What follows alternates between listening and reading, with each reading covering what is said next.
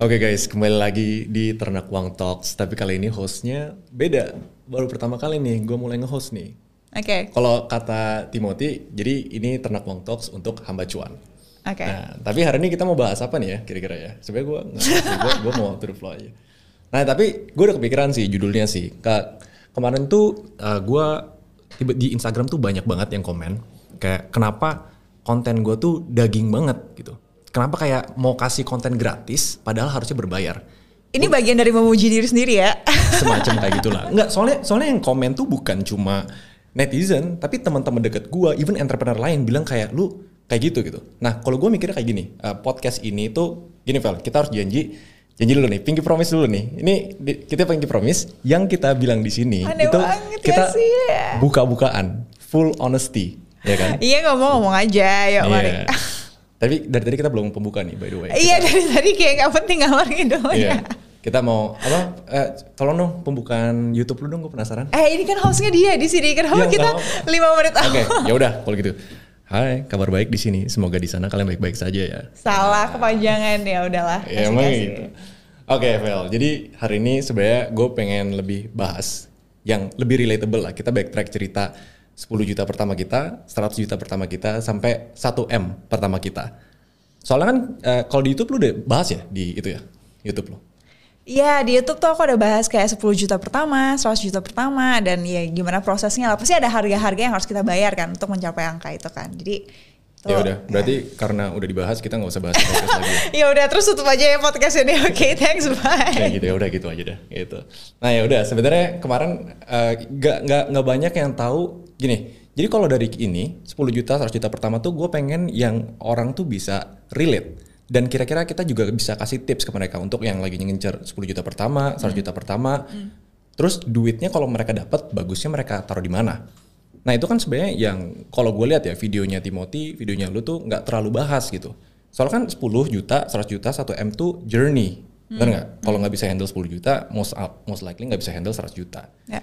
Nah coba dong sekilas ceritain 10 juta pertama lu tuh kapan sih, ngapain sih? Tapi harus detail nih. Ngapain? Ya habis itu nanti lu cerita juga ya 10 juta pertama lu dapatnya kayak gimana ya. Gue udah siapin dong. Gue sebagai host udah siapin materi gue. Oh. Dari gue nggak kicep. Oke, aku baru dikasih ini nih, kasih tahu sekarang terus baru mikir. Oke, kalau cerita 10 juta pertama aku tuh aku yakin itu tuh didapat pas aku lagi SMA atau SMP gitu. Karena pas eh, ini ya, pas dulu masih sekolah dari SD, SMP, SMA, kita tuh diajarin bahwa eh, kita baru dapat reward kalau misalnya kita eh, udah put some effort gitu. Kalau misalnya dapat nilai dulu sih bukan dalam bentuk uang sih. Dulu kalau dapat nilai 8 itu dapat eh, satu komik ya. Kalau eh, nilai 9 b- bisa beli dua komik. Kalau nilai 10 bisa beli tiga komik. Jadi dulu tuh aku sama adik aku suka banget baca komik gitu Itu kan. apa? Itu sama nyokap lo? Sama sama papa, sama Oh. papa sama mama. Jadi pokoknya kita dari dulu diajarin kalau lo mau sesuatu lo harus work work for it gitu loh. Nggak nggak bisa dapat gratis. Gitu. Jadi dari situ aku tuh udah belajar kalau lo mau sesuatu ya there is price uh, we have to pay gitu kan. Nah, jadi eh kalau mau dapat uang ya juga harus kerja gitu kan. Nah, pas pas sekolah 10 juta pertama itu didapat ketika waktu itu aku suka jualan. Hmm. Oke, aku waktu itu aku inget banget kayaknya aku jualan wall sticker deh.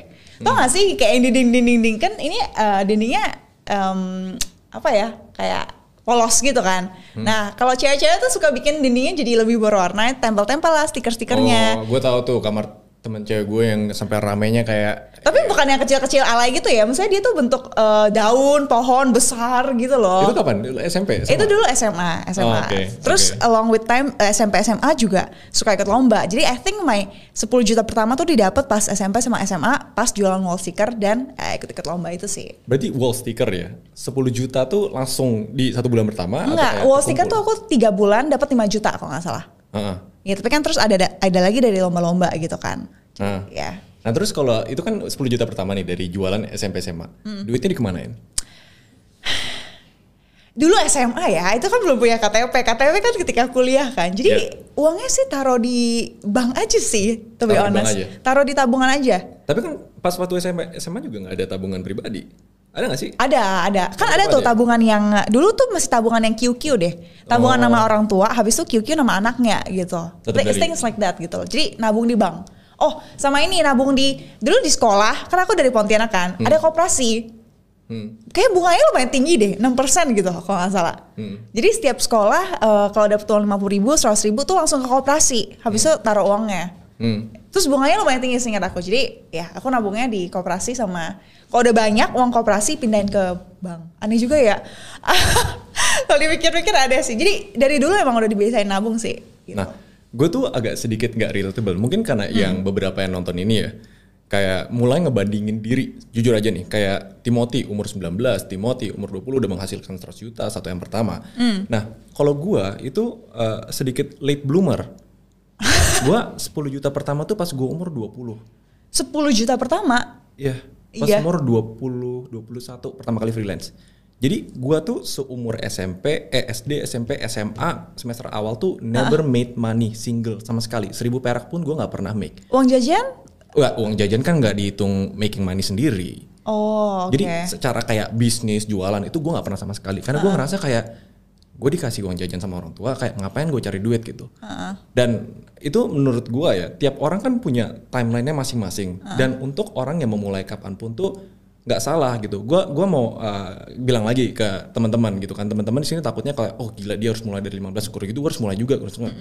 Itu uh, menurut gua salah satu values uh, tentang life lah, tentang apa yang harus dikejar itu nggak terburu-buru. Kalau gua itu 10 juta pertama tuh pas gua uh, freelance. Jadi gua uh, Tak umur 21 berarti udah lulus kuliah? belum, belum 20 eh 20 19 apa 20 ya semester 4. Oke. Semester 4. Ya. Nah, yang follow gue tuh pasti harusnya agak sedikit tahu lah ceritanya. Jadi gua tuh ikut kelas entrepreneurship di BINUS waktu itu. Terus dosennya bilang, "Aduh, hari ini gua malas ngajar. Kita ikut seminar aja deh gitu." Oh ya udah, satu kelas dia aja ke seminarnya. Nah, pas di seminar itu eh, ada satu pembicara dari perusahaan edutech. Dia nyari freelancer programmer yang mahasiswa. Nah, terus dia eh, buka lowongan nih mahasiswa yang mau diajarin singkat terus freelance sama kita. Nih, kita bisa kasih fee-nya gitu. Dan waktu itu yang bikin gua tertarik itu pa- padahal di awal seminar gua kayak ya ya udahlah nonton-nonton aja gitu. Tapi yang bikin tertarik satu project 3 juta. Terus gue langsung hmm. Itu baru kayak gue telat banget. Itu baru pertama kali gua kayak melek konsep of, of money, of value. Kita bisa uh, ngelakuin sesuatu terus Dan kita dapat uang gitu ya. something in return. Terus gue ngerasa gue boleh ngomong kasar gak ya? Pokoknya gue ngerasa gue tuh bedon banget gitu. Kenapa gue baru umur 19 baru kayak gitu gitu. Nah, pas waktu itu jadinya akhirnya gue ngobrol sama dosen gue, eh mau coba dong. Gue ngobrol sama uh, speakernya mau coba dong. Akhirnya uh, tanpa disadari itu bener-bener kayak first tipping point gue bisa bawa gue ke sekarang. That first 10 million pas gue kerjain, gue tanda tangan kontrak, eh gue belajar cuma dua minggu. Gue tes sama mereka ternyata lulus. Terus uh, project pertama gue deal 3 juta, satu minggu selesai. Project kedua gue deal, Oh satu juta, eh 3 juta dapat dalam satu minggu ya? ya Itu big money sih. Mungkin teman-teman yang kuliah di di mana? Di IT, IT, ya bisa tuh nyobain. dulu, uh, dulu gue programmer guys. Dulu gue jago depan komputer gitu. ya jadi pasti banyak nih anak-anak zaman sekarang computer science atau IT gitu kan. Jadi Iya. bisa ya freelance-nya kayak gitu. Lumayan banget lah 3 juta satu minggu. Ya lumayan, makanya. Terus makanya- satu minggu bisa beberapa project nggak? Atau cuma bisa satu project? satu project. Oh, Jadi cuma satu. harus selesai satu project di handover ke sana lagi, minta project lagi. Oh, Oke, ya 3 juta 12 lah sebulan. uh, project 2 4 juta karena mereka gue kerjain cepat. Ah. Habis itu minggu ketiga gue dua setengah juta. Minggu keempat gue project yang gede 6 juta. Itu total berapa tuh sebulan? Lebih dari 10 juta gitu kan? Ya lebih dari 10 juta lah. Nah itu the first time ever gue make money dan langsung segitu. Makanya kayak tipping point uh, gue untuk uh, making money entrepreneurship itu sebenarnya di track back di hal kecil itu. Kayak kita kita mungkin nggak realize kali ya kayak hal-hal kecil yang hal-hal kecil series of small decision, series of small, small events itu sebenarnya yang ngebikin kita jadi diri kita sekarang. Jadi kita nggak boleh kayak uh, maksain diri untuk chase for the big things gitu. Ki- Kita kira kayak hal-hal gede itu yang bikin kita akhirnya gede. Padahal itu a series of small decision. Terus menurut aku kayak eh, kita tuh nggak mesti ini sih kayak harus target harus dapat 10 juta di umur berapa. I don't think Nggak. eh, harus kayak gitu sih pas kita lagi muda ya atau di umur 20 ya. Jujur pas eh, dapat 10 juta pertama atau apa pun itu nggak nggak nggak target kayak gitu loh. Bahkan sampai sekarang juga aku nggak pernah target mesti berapa m di umur berapa tuh enggak enggak ada itu pun di dalam satu uh, my life plan gitu. Oke, itu itu kan secara finansial. Kalau secara pernikahan gimana?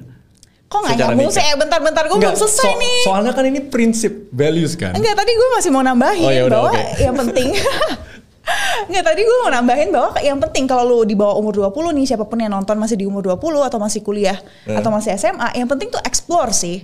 Yang Ya, paling penting agree. tuh nyobain banyak hal.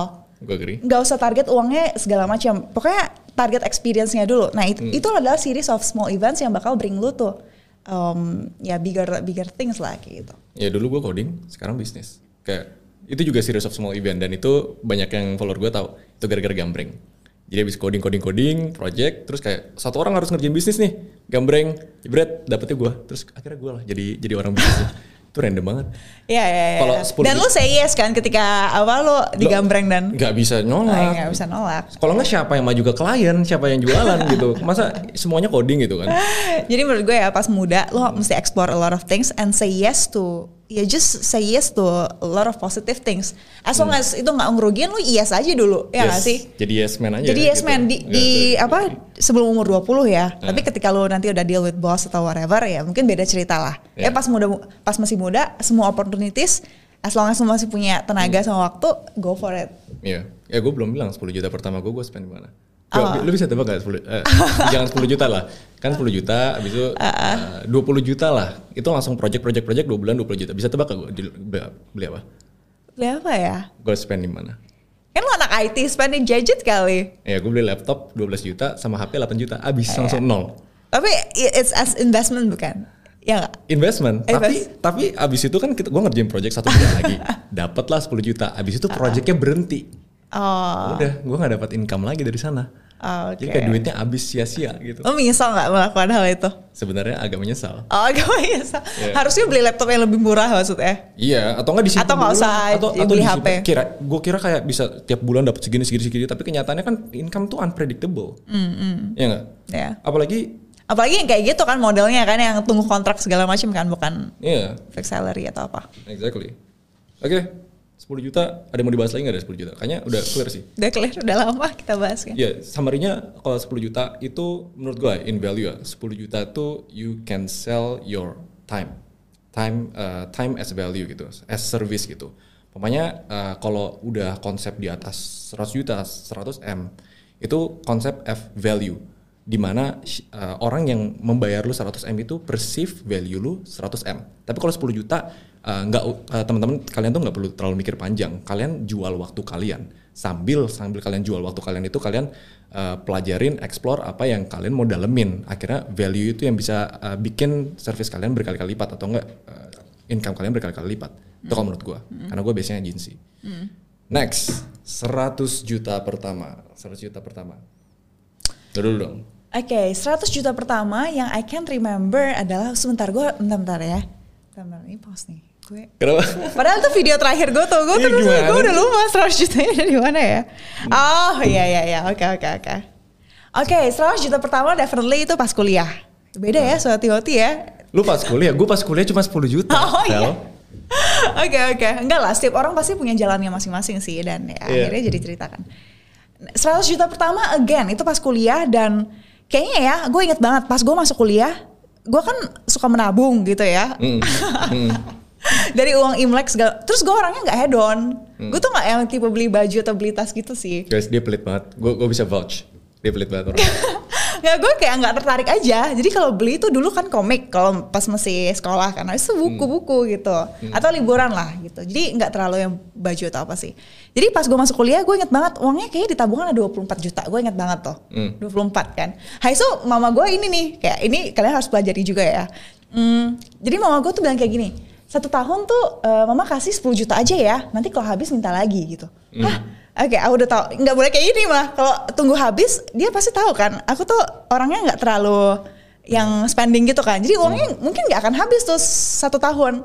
Apalagi kalau aku kerja atau eh, jualan ini itu gitu kan. Nggak habis-habis tuh uangnya. Nggak. Terus aku bilang sama mama, ma jangan kayak gitu. Mendingan eh, satu juta aja atau satu setengah juta aja per bulan. Tapi kasih tuh per bulan biar kita bisa nabung. Biar ada uang masuk terus. Jadi Dikasih. jangan jangan mau nerima yang 10 juta berat untuk waktu yang sampai habis lah pokoknya jangan sih menurut aku Itu itu ada trik dari orang tua menurut aku ya. Gue juga kayak gitu pas waktu itu nyokap gue. Nanti kalau habis baru mama kasih ya. itu itu bikin kita nggak jadi nggak bisa Nggak, terus nabung. terus gue ajak gue agak jahat gue bikin rekening kedua terus rekening ke satu gue habisin terus jahat banget gue gue kalau dipikir-pikir kayak oh, jadi uangnya lo masukin ke rekening kedua. jadi Iya, selalu terus ya, habis iya, gitu kan. Ma, ma kalau nonton video ini ya, itu cuma itu fase fase bentar doang kok kayak gitu. Ah, Aku nggak bisa sih yang eh, apa kayak gitu ya. Ya, makanya gue gue ya gitulah. Oke oke, jadi udah ada dua trik yang bi- bisa di ini ya. Ya, tapi trik gue aja nih gue guys itu jahat. Ya, ya. Anyway, ya balik ke 100 juta pertama. Jadi ya 24 juta pertama habis itu ya aku minta setiap bulan dikasih kan uangnya. Hmm. Eh, terus aku pas kuliah nih again jualan lagi gitu. Hmm, jualannya tuh pernah jual itu aku kan di, eh, di apa kita beli printer kan? Jadi pas masuk eh, asrama gitu di- dibeliin printer karena pasti banyak print print kan? Terus aku mikir oh ya udahlah kalau gitu banyak yang butuh printer daripada jauh-jauh keluar mending ke tempat aku aja gitu. Terus aku lah print lah apa kayak poster gitu kan tempel ke kamar-kamar. Jadi orang kalau print tuh selalu ke tempat aku. Ya kayak gitu. Jadi jualan jualan jasa printer jualan Jasa printer 100 juta. Enggak, tapi itu lumayan tau. Kayaknya ada 3 juta deh sebulan. Hmm. Ya, sa- 3 juta seminggu lah. Pokoknya itulah eh, jualan jasa printer, habis itu jualan emping, eh jualan emping, jualan boba, jualan eh, pangsit. Tapi itu sampai 100 juta. Nggak sampai 100 juta. Ini belum nih selesai. Ini kan Oh, prosesnya oke, akan oke. mencapai ke sana kan. Oke, oke. Dari 24 juta kayaknya dari jualan-jualan itu adalah sampai kayak 60 juta tuh ada sih Hmm. jualan buku gitu yang kecil-kecil kayak nggak kehitung tapi kalau dihitung-hitung tuh banyak juga gitu kan jualan-jualan jualan karena ya itu apalagi kan yang anak kuliah bisa lakuin kan Hmm. ya itu jualan Lu freelance? ya oh ya Jual juga waktu, jual I, I juga freelance loh freelance nulis tapi dikit banget uangnya Oh. satu tulisan tuh satu tulisan kayak Dulu cuma gua empat tujuh- puluh Oh, 75 ribu kalau kalau dulu gue. gue empat puluh lima puluh ribu sih Oh. kayak gue kena tipu deh Bahasa Inggris bukan? bahasa bahasa bahasa apa ya bahasa Indonesia sih Oh, gue bahasa Inggris soalnya gue pernah coba. oh oke Jadi 75 ribu. Jadi pelajari bahasa Inggris biar your value tuh meningkat dua kali lipat. Itu penting sih guys. Iya. Serius bahasa Inggris penting itu sih. Nanti bahasa Mandarin lagi. Oke, 100 juta, Vel. 100 juta Iya. gimana? Iya pokoknya masuk kuliah 24 juta jualan-jualan uangnya dapat jadi kayak 60-an juta. Habis itu ikut lomba. Sering ikut lomba juga sih. Hmm. Explore explore. Pernah tuh waktu itu lomba terakhir di kuliah hmm, di BSc yang kompet- eh, yang economics competition itu. Hmm. Um, di, di situ seluruh Indonesia kan menang juara dua dapat 30 juta sih. Itu yang Hmm. kayak melengkapi jadi seratusan juta deh. Oke. That's It- that's the point. Oke, gue gue interestednya kayak gini. Itu kan terkumpul 100 juta. Hmm. Itu berarti di umur berapa lo? Kayaknya di tahun ke- 2015 20. Umur 20. Hmm. Wah, 20 rekening gue nol. Habis beli barang soalnya, tinggal 10 juta gitu. Oke, gua gua ubah pertanyaan dikitnya. The first 100 juta in bulk atau misalnya dalam satu bulan gitu, tiba-tiba dapat 100 juta, itu pas kapan? Oh itu pas umur 25 lah. Pas Oh, 25? Enggak, termasuk bonus itu enggak? Bonus di kantor termasuk dong? Termasuk, termasuk. Iya, berarti di 2017. 2017. Berarti Ya, di umur 22. Ah, itu Umur 22. bonus, bonus. oke. Bonus tahunan. Gede banget bonus Lumayan. tahunannya. 72 juta. Wow. Iya, itu padahal saya baru satu tahun. Ya. Kok bisa sih kayak gitu? Jadi kerjanya apa sih waktu itu? Waktu itu kerjanya eh, research analyst di Sukor Iya, ketahuan dong. Iya, Sukor eh, di Sukor Sekuritas jadi research analyst di tahun Pokoknya dia kontak lewat LinkedIn lah di akhir 2015. I just say yes gitu kan. Pokoknya sebelum umur 20 just say yes lah. Udah, apa aku nggak tahu Sukor tuh apa gitu. I don't know. Just say yes di umur eh, apa di Januari 2016 Hmm. masuk kerja. Terus tahun pertama bonus tahunan 72 juta. Ya, Gila. lumayan. Itu Oke. ya, net. Oke, jadi kebayang nih untuk 100 Terus juta. gaji ya Iya. ha- hampir lah, hampir 100 sih kayaknya. Ya? Ya. Oke, itu acceptable jawabannya. 100 juta itu lo taruh di mana? Lo apain? Waktu itu udah pinter. Lo, lo harus compare sama Eh. pas 10 juta sama 100 juta di compare. Yang paling ngebedain pas 10 sama 100 juta adalah eh, ini udah udah ngerti, terus udah punya KTP, jadi udah bisa invest ya ini itulah. Oke, lo langsung pindahin ke mana-mana gitu 100 juta itu. Iya, gue langsung kayak pindahin eh kayak ke reksadana sih waktu itu. Oke. Soalnya saya udah punya saham lumayan eh, pas kuliah. Eh, terus pas kerja itu langsung dapat segitu taruhnya ke reksadana sih. Aku ingat banget pas tahun pertama kedua kerja itu setiap bulan bisa top up 5 juta ke reksadana. Reksadana ya. Berarti uh, for your recommendation, berarti even kayak lu, lu kan lumayan financial savvy gitu kan. Hmm. Berarti reksadana tuh safe bet lah untuk orang yang nggak mau ribet taruh duitnya gitu. Hmm, iya, termasuk lah. Waktu itu aku agak ngerti, kayak saham tuh kayaknya nggak bakal ke mana-mana deh dalam waktu yang lumayan panjang Oh. gitu kan. Jadi ya udah taruh aja di reksadana yang lebih perform gitu. Hmm, Kebetulan I kenal juga sama manajer investasinya, jadi ya udah nggak mau ribet taruh di reksadana. Oke. Gitu sih. Interesting, Sarjita. Ya. Semoga menjawab pertanyaan netizen Sarjita pertamanya. Oke, giliran Kalau- Raiman. Ah, gue gue pendek aja ya soalnya. Nggak tahu ini udah berapa menit ini video. Kalau 100 juta pertama gue in bulk ya, itu itu sekalian pas kumpul soalnya I'm not good with money. dulu. Kalau ada duit hilang, kalau ada duit hilang. Itu yang gue nggak pernah diajarin benar-benar dari society, dari guru gue, dari dosen gue. Gue kira kayak making money ya nggak apa-apa, spending on what you love gitu. Konsep investing itu pas gue umur 20, 21 tuh masih di luar. Jadi jauh banget sih. Kayak itu itu yang bikin gue realize kayak kenapa kenapa gue lumayan passionate dengan jalanin ternak uang ini karena gue sendiri jalanin. Nah tapi kalau 100 juta pertama ini kan konsep making income. Itu tuh pas jadi habis selesai freelance freelance nggak ada project akhirnya sama teman-teman gue yang yang ngerjain freelance bareng itu kita bikin kayak grup bareng kayak kita team up. Langsung lah ya udah daripada kita berharap uh, orang lain kasih kita project kita yang cari project sendiri aja. Kita bertiga bikin kita sewa di kamar kos uh, fotonya ada di Instagram gue sewa di kamar kos kita sewa eh, hire intern dan lain-lain buat mulai kerjaan project. Dan kliennya tuh dari dosen-dosen dari mana gitu. Nah tapi kan kalau bikin bisnis sendiri ya ini saran buat teman-teman juga. Don't pay yourself too much unless kalau memang bisnisnya profitable kayak orang gila. Ya kan jadi kita bayar diri sendiri tuh di bulan pertama 3 juta 3 juta. Terus kayak ya itu masih jauh lah dari 100 juta pertama. Nah habis sat- dua bulan berjalan eh, eh dua tahun berjalan agensinya kita consider doing really well lah kalau bisa dibilang kayak gitu. Jadi kita udah udah baru nego cabang Singapura kita baru crossing project nilai pas udah dua tahun tuh projectnya nilainya udah di atas 100 semua. Jadi udah udah oke lah. Setiap project. Ya rata-rata. 50 70 masih ada lah tapi 100 tuh udah udah mulai oke gitu. Nah, habis itu kita dapat opportunity untuk merger. Pas waktu itu tuh kita masih gaji diri sendiri kecil banget, masih 8 10 juta. Padahal sebenarnya kan kalian menghasilkan banyak banget kan dan kalian nggak ada cost yang gimana kan ya? Cost kita pasti human resource. Kalau agency ya, ini buat teman-teman. Kalau dia kan eh, perspektifnya jualan nih. Kalau gue perspektifnya tuh selling services. Jadi agency itu kebanyakan pasti human resource dan human resource itu biasanya 30 sampai 50% dari operating cost gue. Jadi margin kita tuh eh, at least Yeah. 50%, ya kan? Kita udah kekumpul nih banyak eh, ada sekitar berapa 1 2 M di bank. Terus kita ditawarin merger gitu kan.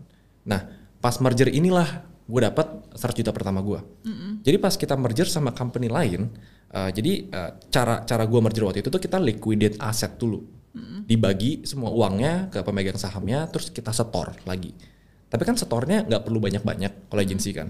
Jadi pas kita cairin dananya masing-masing dari co-founder kita tuh dapat sekitar 200 sampai 300 juta sekali pas merger gitu. Habis itu eh, baru kita eh, setor balik ke company 100 juta. Berarti masih ada 200 tuh. Nah, itu my my first 100 million. Jadi maksudnya lo udah nggak punya kepemilikan lagi dong setelah Punya merger? dong. Punya Jadi ya, tapi abis- jadi lebih kecil. Abis merger eh, kita tuh punya eh, 55% abis merger, Maven. Oh, Oke, awalnya 100 Ya. kan? Oke. Nah, tapi kita setor 100 juta. Jadi kita kita masing-masing punya masih punya presentasi yang sesuai. Nah, tapi lu bisa tebak nggak 100 juta pertama 200 lah 200 juta pertama gua bisa tebak nggak? Tebak. ini ini ya diminta 100 juta dia langsung cerita yang 200 juta pertama ya ya. Oke. Ya kan sebarengan. Iya iya oke. Eh, Bisa tebak gak question di mana? Lu harusnya udah tahu kan. Berarti gua orangnya not good with money. ya. Nih gue langsung buka aja nih. Pas 100 juta pertama, eh, itu baru pertama kali gua kayak interested di gadget Apple. Di Apple ecosystem. Gua spend 70 juta.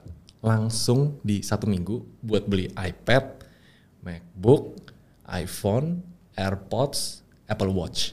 Hmm, semua lah ya, semua produk kayak Apple kalau ada yang Iya, dijual di iya. Indo lo beli lah ya. Setelah dipikir-pikir ya, kalau lo taruh di reksadana, gue beli barang gak jelas tuh kayak, aduh, gue Tapi tergantung, makanya tergantung apakah lo menggunakan itu tuh untuk is it an investment for you untuk your agency lah atau segala macam menurut sejujurnya, se-investment investmentnya, ini kan gadget personal ya. Ah. Eh, ya bisa bisa aja kita bohongin diri sendiri ini produktif Iya, bikin iya, gua kayak iya, gini iya, tapi iya. kenyataannya lu nggak perlu spend 70 juta buat beli gadget gitu Iya ya, enggak tapi maksudnya menurut gue ya uh, walaupun gue se-financial savvy itu, gue mau bilang kalau investasi di produk keuangan tuh investasi yang returnnya paling rendah. Mm-mm.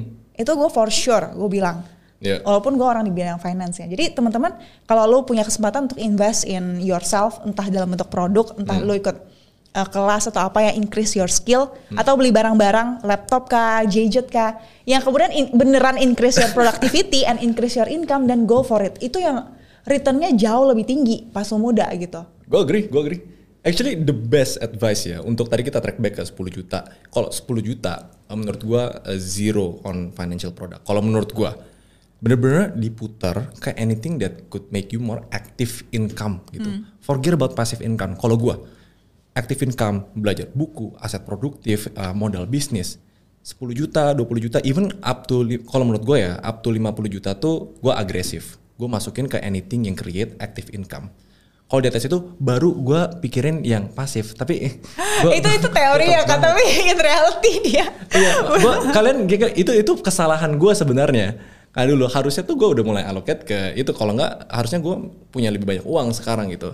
Exactly, ya tapi gue setuju sih untuk semua yang earning di bawah 100 juta atau ya Hmm. itu lo harus invest di something yang increase your income. Yeah. That's it gitu dan dan bukan di produk keuangan. Tapi produk keuangan tuh eh, icip-icip lah gitu, jangan Ya, biar jangan misalnya jangan all in. ya jangan jangan terlalu banyak juga, jangan gak ada juga gitu, icip-icip biar lo tahu gitu. Karena ketika nanti kita akan ngomongin satu miliar pertama, ah, gue yakin itu mostly eh, bakal ada tuh yang ke produk keuangan gitu. Mayoritas Itulah saat juga. saatnya ketika kita bikin uang kerja untuk kita. Sekarang nggak apa-apa, kita bikin lebih banyak uang dulu. Hmm. Nah kemudian uang yang kita udah hasilkan ini yang kemudian dia pelan-pelan uh, bikin dia kerja untuk kita. Berarti pas 100 juta pertama lu nih, berapa persen tuh di aset eh, di di financial product, berapa persen yang non financial product kalau lu? To be honest, gue tuh uh, kayak 6, 80% ya in financial products. Karena gue nggak nggak gimana ya, gue nggak tahu nih harus di di invest ke mana lagi ya untuk increase Oh. income. Gue increase income tuh ikut sertifikasi CFA, tapi itu pun dibayarin sama company. Jadi Hmm. ya. Ya, beli gadget, beli bayar. Ya itu yang konsep itu yang gue baru baru ngerti itu di umur 20 berapa ya? 25 yang ketika gue beli Hmm. laptop itu and my best investment di so far hmm. ya itu yang beli laptop. Oke. Ya. General advice-nya gitu ya. Berarti di 100 juta eh, udah mulai harus taruh di financial instruments. Ya. I would say 60%. 50. Sebenarnya sih tergantung seberapa lu ngerti sih menurut gue ya. Nggak nggak ada kayak lo harus taruh 30%, 50%, 60%. Pokoknya invest in something that you know. Kalau you know on business better dan financial products mungkin di 100 juta lebih juga nggak apa-apa lo invest back to your business. Kayak gue. Iya, yang yang lo ngerti aja gitu. Tapi jangan lupa juga untuk bikin uang tuh kerja untuk kita. Gue setuju. Kita tuh apa increase income ini itu. Tapi ingat pas kita increase income, kita tuh harus kerja untuk dapat income itu. Hmm. Tapi pas kita stop uang income-nya berhenti kan. Hmm. Nah kita harus taruh di tempat build system kah di bisnis atau lo taruh ke financial products yang kita tidur pun uangnya kerja. Kita harus find a way sih untuk kita tidur uang bisa kerja untuk kita. Agree, agree. Tapi oke, next topic nih, 1M. Oke. Dan ini gue mau nyinggung bukan cuma 1M secara terkumpul asetnya. Kayaknya itu gampang untuk lu dijawab soalnya lu nggak nggak spending di mana-mana. lu lu kerja, lu yeah. tahu-tahu udah 1M gitu kan, dan lu bonus aja gede gitu. Nah, lu- coba lu terus track back. Ada nggak satu momen di mana lu kayak nggak mesti 1M jebret ya, tapi kayak tiba-tiba dem deket ke 1M atau 1M kayak the next big pile of money yang datengin lu 1M. Ada Oke. nggak? Nah, lu sambil mikir, kalau gitu gue cerita punya gue Iya, dulu nih. boleh. Ya kan? Nanti kan kita cerita kalau pas 100 juta dulu. Emangnya lo ada, Ray? Ya, Oh. Ada sih, gue gua, gua miskin sih. Emangnya ada yang langsung kayak dapat satu M gitu gue lagi mikir. Yang mendekati sih ham- mungkin lah aja aja Jadi aja. Vel ini cuma baik pura-pura baik doang, tapi kenyataannya suka nyindir kayak gitu guys. Apa Gue sih? merasa gue merasa tersinggung banget. oh ya udah, ini dihapus ya. Oke, gimana Ray? Boleh. Kalau gue, uh, like you said, ya, invest in what you know. Dan waktu itu gue nggak tahu financial product sama sekali. Gue cuma tahu invest in businesses dan gue lagi tertarik banget startup. Gue kayak ceritanya Facebook bisa sukses, ceritanya Instagram bisa sukses tuh gue hook. Dari pertama kali gue bangun agency, di tahun kedua tuh gue udah tahu one day gue bakal bikin startup yang gede banget. Nah pas kumpul 100 juta itu, total mungkin nggak ini nggak ada yang tahu. Total startup yang udah gue bikin tuh 8 Ternak uang tuh ke 8 ini. Ya, yang sebelum ternak uang ini wellness. Cuma dua dari delapan ini yang bisa ke kick off. Cuma sukses sih nggak tahu ya, tapi udah kick off gitu. Nah, 6 ini gue funding pakai duit gue sendiri. Yang awal sih kecil-kecil, 5 juta, Hmm. 5 juta. Tapi ada di tengah-tengah ini yang gue funding du- 30 juta, 20 juta. Wellness sendiri tuh 50 juta. Hmm. Nah, itu udah kebayang dong kayak mayoritas uang gue tuh hilang ke mana? Hmm. Hilang ke eh, yang gue kira investing in what I know. Hmm. Bangun bisnis, bangun startup. Tapi gue nggak nyesel sih. Karena with that six failures adalah gue gua learn a lot of the lessons yang bikin akhirnya wellness yang paling yang yang consider second success. Terus habis itu ternak uang. Probably ternak uang mungkin nggak bisa serapih ini ya. Kalau misalnya gue nggak ngalamin proses failure itu. Nah satu yang pertama gue atau mendekati lah satu yang pertama gue tuh pas gue bangun wellness. Jadi wellness itu uh, dulu gue bikin startup tentang cari personal trainer online. Itu sampai omset uh, sebelum kita diakuisisi, omsetnya tuh sampai 50 juta per bulan. Kita punya margin 20-30 persen. Nah pas di akuisisi itu kan big pile of money di awal. Nggak 1 m, nggak 1 m. Ada di, di di ratusan lah. Tapi dari uh, yang udah kekumpul, tiba-tiba uh, dapat ratusan itu udah uh, harusnya hampir 1 m lah, 900 something lah. Itu the first uh, pile of money yang gue dapetin sebenarnya. Itu semua masuk ke lu, Ray? masuk ke gue dong. Kan wellness gue sole founder. Oh, oke. 100% punya lu gitu ya. Iya, jadi pas itu ditambah gue nego gaji yang gue ngerasa harus fair banget nih pas gue diakuisisi sama gue dapat uh, options saham gitu. Nah itu kalau dinilai-nilai semuanya yang bukan cash ya itu harusnya lebih dari 1 m, 1,5 sampai 2 m kalau dihitung-hitung. Gaji, akuisisi sama saham. Jadi technically benar itu first lump satu cash, 1 m gue bahkan lebih gitu kan. Nah tapi Dan itu lu capai di umur kapan ya gue tiga, tiga tahun lalu tuh dua, dua, dua empat dua empat 24. Oke, jadi dari umur 20 yang 10 Hmm. juta pertama dalam 4 tahun lu bisa leap dua puluh sepuluh dua dua eh, seratus 100, dua empat 1 M. ya Cepet sih itu, itu cepet banget sih. Iya. Ya, lu bisa menemukan gak apa apa secret resepnya atau apa sesuatu yang bisa dikopi nih sama orang-orang yang lagi nonton? nah gue punya prinsip kayak gini makanya gue nggak eh, gue gua eh, kasih pesan ke semuanya lagi timeline atau kayak starting early itu nggak selalu eh, bakal eh, finish earlier gitu atau finish eh, sukses lebih cepat gitu. Jadi jangan ngerasa terpressure kayak lu harus mulai umur 15, lu harus mulai umur 14. Sekarang di zaman TikTok, di zaman Instagram gampang banget kita compare ke diri, diri orang lain. Iyalah. Kalau dulu tuh kita nggak ada reason buat minder dulu di zaman Karena gua. kita nggak lihat achievement orang lain Nggak- gitu kan di social media. nggak kelihatan. Sekarang tuh kayak sukses umur segini, sukses ini, udah achieve ini, udah achieve ini. Akhirnya kebanyakan orang ya, eh, the sad reality bukan mereka termotivasi, mereka malah insecure. Hmm. Mereka malah ngerasa mereka nggak good enough dan mereka nggak mau memulai. Dan itu menurut gua a very sad thing gitu. Dan itu actually gue mau bahas lebih dalam sih, tapi mungkin bukan di video ini. Tapi kalau secret sauce gua, gua rasa ya adalah gue punya moto work smart not work hard tapi kalau bisa duduknya ya bagus tapi kalau work smart tuh gue setiap every year every quarter every semester gue selalu mikir apa hal lain yang gue bisa lakuin yang bisa gue shortcut gitu loh apa yang gue bisa uh, oke misalnya konsep of karir konsep of gaji gitu 10 juta naik pangkat 15 naik pangkat 20 gue mikir aduh gue nggak mau lewatin proses itu gue nggak mau Lihat corporate ladder sih Nggak, ya. Iya, gue Eh, gua sebenarnya nggak mau. Tapi ini ini bukan uh, menjelekkan corporate leader ya, banyak kan. Ah, setiap orang punya preferensinya lah menurut gue sih, ya. Gue dari dulu tuh pengen shortcut. Itu mulai dari game. Game tuh kalau bisa cheat cheat gitu ya. exactly. Guys, kalau kalian tahu seal, gue gue cheat sampai duit gue tuh banyak banget sampai gue duplikat uh, pet dan lain-lain gitu. Jadi dari dulu tuh emang gue punya uh, itu. Jadi menurut gue itu salah satu secret sauce gue. Dan satu yang pertama gue itu, gue kali ini gue nggak spend ke yang aneh-aneh. Gadget tetap sih. Gadget 50 sampai 100 juta kayaknya gue spend ada sih. Cuma 80% itu nganggur di bank. Literally nganggur. Dan makanya ini di podcast sebelumnya sama Timothy, gue ngerasa punya sentimental value untuk extend itu karena gue aja yang udah berbisnis gitu lama nggak tahu where to put my money, gitu.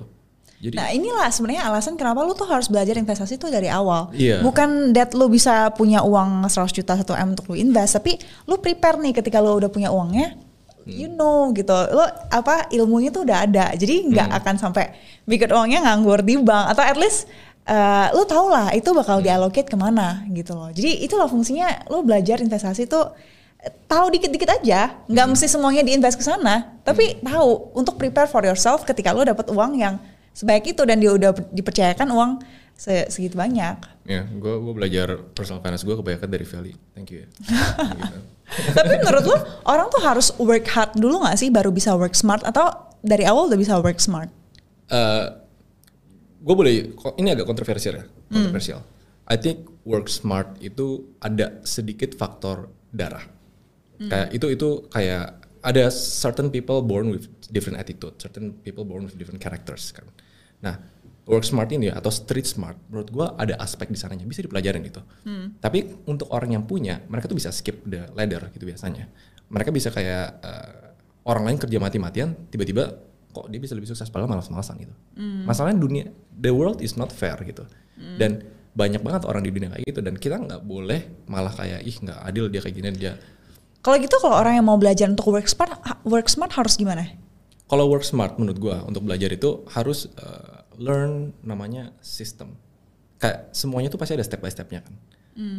Constantly think about constantly pikirin gimana cara skip satu step dulu, skip dua step dulu, skip skip tiga step dulu gitu. Kalau gua, kalau gua caranya kayak gitu, my uh, train of thought. Misalnya kayak meeting sama klien, oh gini proposal dan lain-lain, gua kayak mikir, gua mau skip fase ini deh, biar lebih cepat. Jadi gua mau skip fase ini biar lebih cepat dan itu works gitu.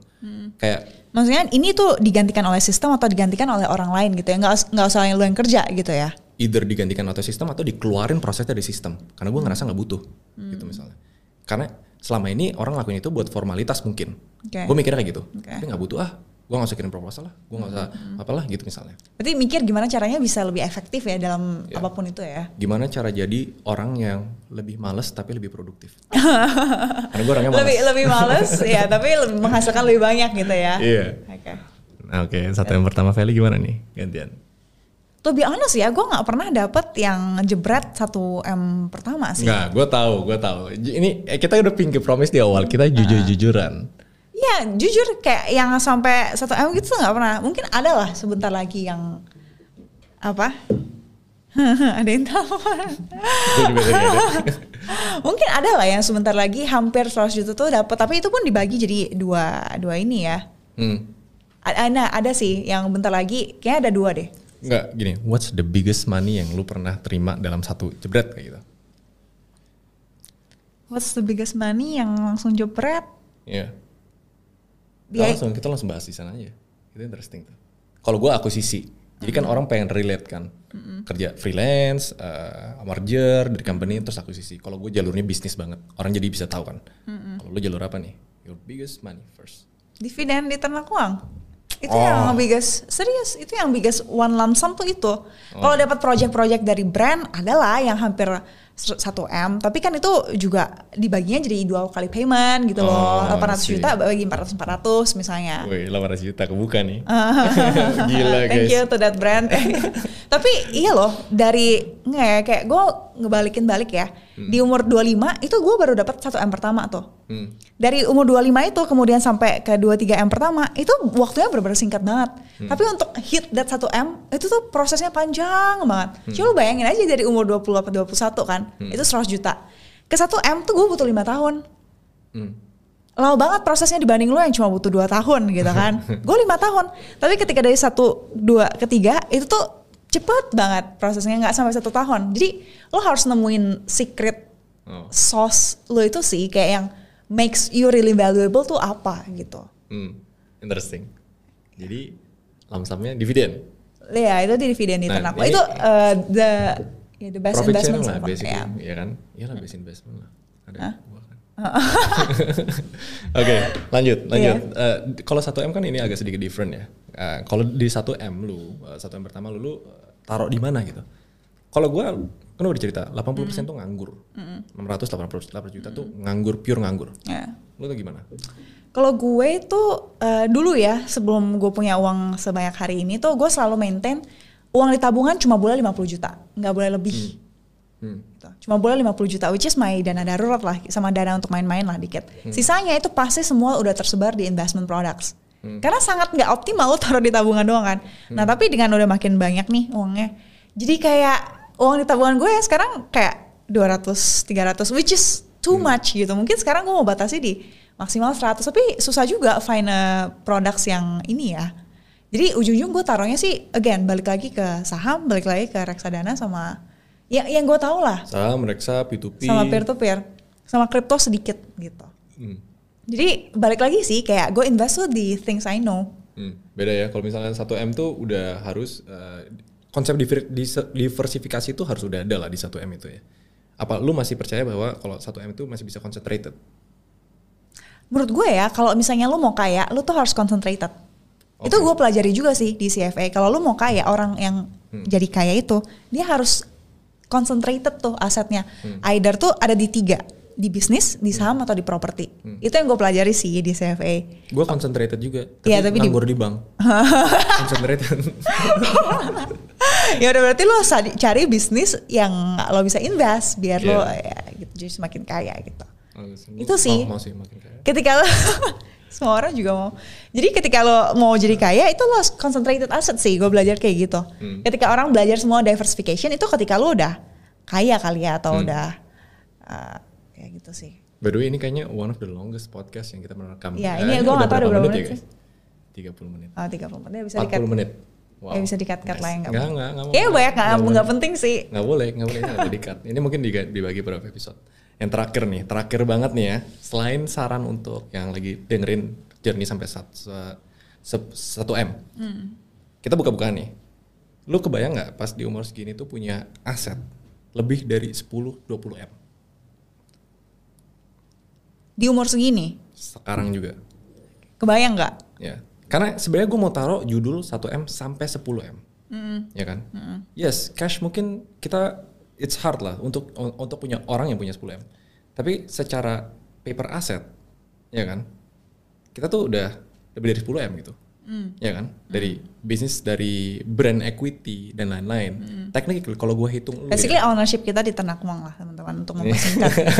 ownership ternak uang tapi lu sebagai brand juga itu have value jadi brand itu bisa dinilai personal brand lo itu harusnya nilainya puluhan m Bisa ya valuasi personal Bisa, branding bisa, ya. Oh, Oke, nanti gue bikin ya konten YouTube-nya kayak seru deh. Valuasi personal gue, branding. juga mau ikut dong tapi gue masih dikit nggak apa-apa Ya, nggak apa-apa, nanti gue valuasi personal branding lo juga.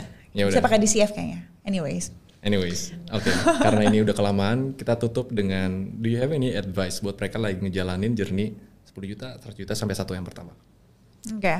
Jadi my best advice untuk teman-teman yang masih kuliah atau di umur di bawah 20 lah ya adalah explore as many things as you can.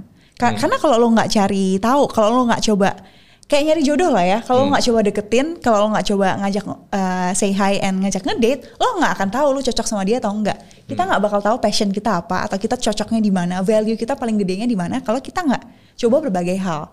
Dan sebelum kita masuk ke apa dunia kerja itulah momen-momen di mana kita bisa explore. Wajib sih explore. Terlepas dari berapapun uangnya jangan mikirin uang pas sebelum apa sebelum kerja gitu. Fokus on the exploration sama experience gitu. Belajar sebanyak-banyaknya. Nah, sepanjang proses itu wajib sih belajar investasi biar ngesiapin hal-hal kayak gitu. belajarnya di mana nih way? Belajarnya di, Di ternak ternak uang boleh. Kayak di YouTube aku juga boleh. Jadi soft sell, soft sell ini bedanya ya. di Instagram gue juga Iya boleh. kan? Iya belajar bisnis. Nah, belajar bisnis di Instagram Iya, gue juga belajar boleh kan? bisnis, Nah, hmm. Oke, kalau gue penutup nih, penutup nih, karena udah lama banget nih. Advice gue adalah mulai aja dulu. Itu advice gue yang lu curi ya. Tokopedia, di sini tuh udah spot kosong ya buat sponsor. Jadi itu kita soalnya kita ulangin terus tuh, mulai aja dulu.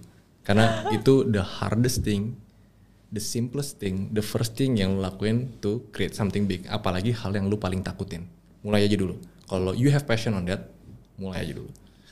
Oke, kira-kira podcast ini sudah berakhir Felicia. Jadi Thank you Raymond for hosting. Eh ini masih direkam nggak? masih dong. Oh, oke. Oke, jadi kita tutup posisi ini nanti see you guys di Ternak Wang Kalau misalnya kalian ada konten yang Hmm. kalian mau request, tulis aja di komen. Siapa tahu kita bisa ngobrolin bareng sama Timothy juga kalian lain Boleh, kali. kita harus bertiga kali ini. Oke. Like, comment, subscribe, notification. Ting ting. Biasanya editannya kayak gitu. Alright, thank you guys. Thank you See for watching. on the next See video. you. Bye bye.